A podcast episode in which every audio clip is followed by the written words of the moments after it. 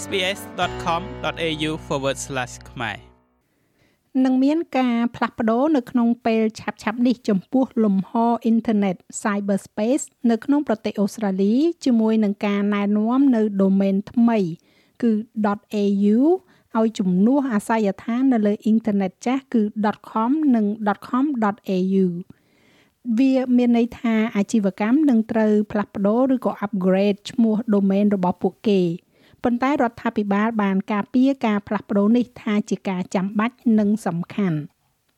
លោក Steve Hui បានបំរុងទុកឈ្មោះ domain ជាង100ឈ្មោះដែលតភ្ជាប់ទៅនឹងអាជីវកម្មខ្នាតតូចរបស់លោក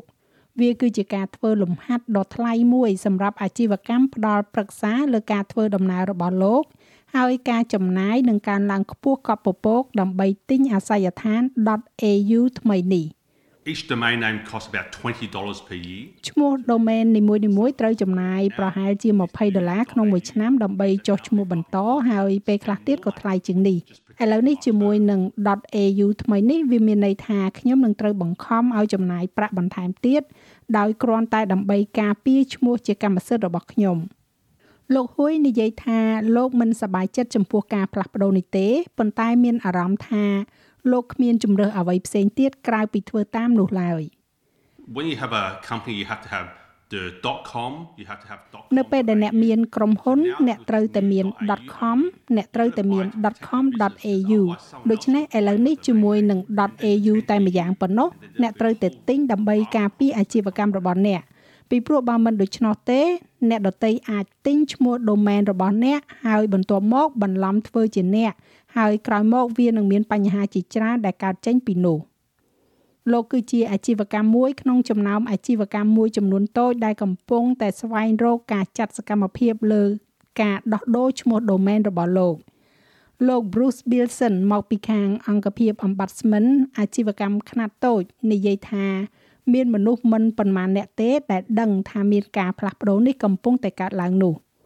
Our field evidence is no one had the foggiest idea this was going on. ផុសតាំងពីវិស័យរបស់យើងគឺគ្មាននរណាម្នាក់មានគំនិតស្រពេចស្រពិលដែលដឹងថារឿងនេះកំពុងកើតឡើងនោះទេដូច្នេះយើងបានតាក់ទងជាមួយនឹងនាយត្តករមិនមែនរដ្ឋាភិបាលហើយនិយាយថាខ្ញុំដឹងថាអ្នករវល់ពិភាក្សាជាមួយនឹងអ្នកផ្ដល់សេវា Digital និងវេទិកានានា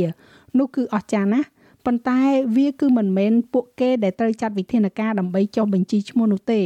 តាមពិតទៅវាគឺជាអាជីវកម្មខ្នាតតូចនិងជាអាជីវកម្មគ្រួសារទៅវិញទេដែលត្រូវចាត់ការរឿងនោះលោក Ross Widows គឺជាអ្នកជំនាញខាងអ៊ីនធឺណិត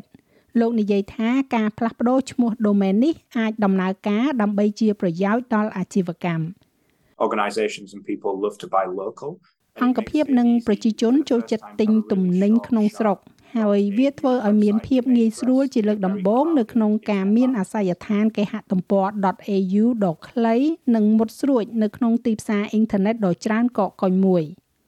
លោកនិយាយថាមានហានិភ័យជាច្រើនដែលគួរឲ្យពិចារណាចំពោះការដែលទុកឲ្យឈ្មោះ domain របស់អ្នកនៅទំនេរ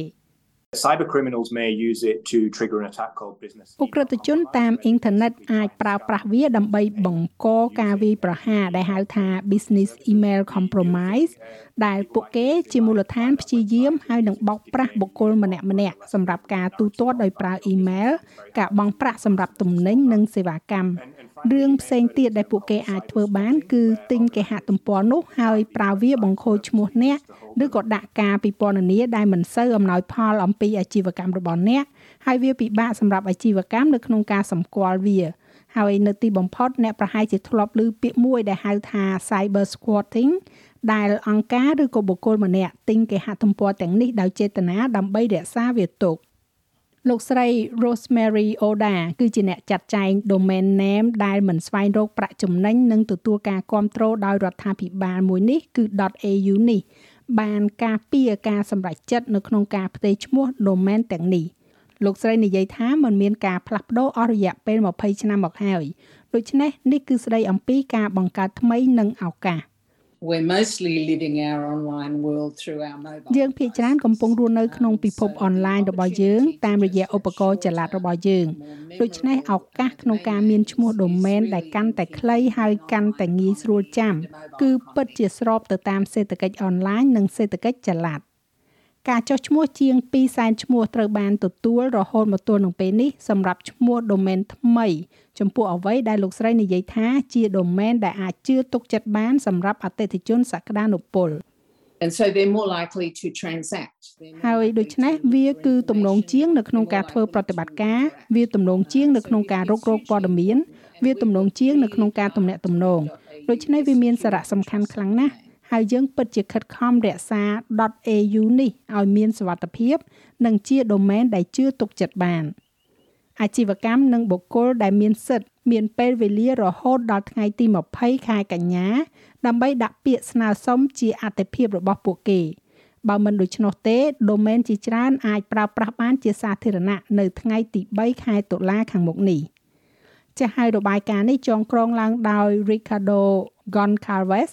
និង Debra Groke សម្រាប់ SPS News ហើយប្រាយសម្រួលសម្រាប់ការផ្សាយរបស់ SPS ខ្មែរដោយនាងខ្ញុំហៃសុផារ៉ានីចុច like share comment និង follow SPS ខ្មែរនៅលើ Facebook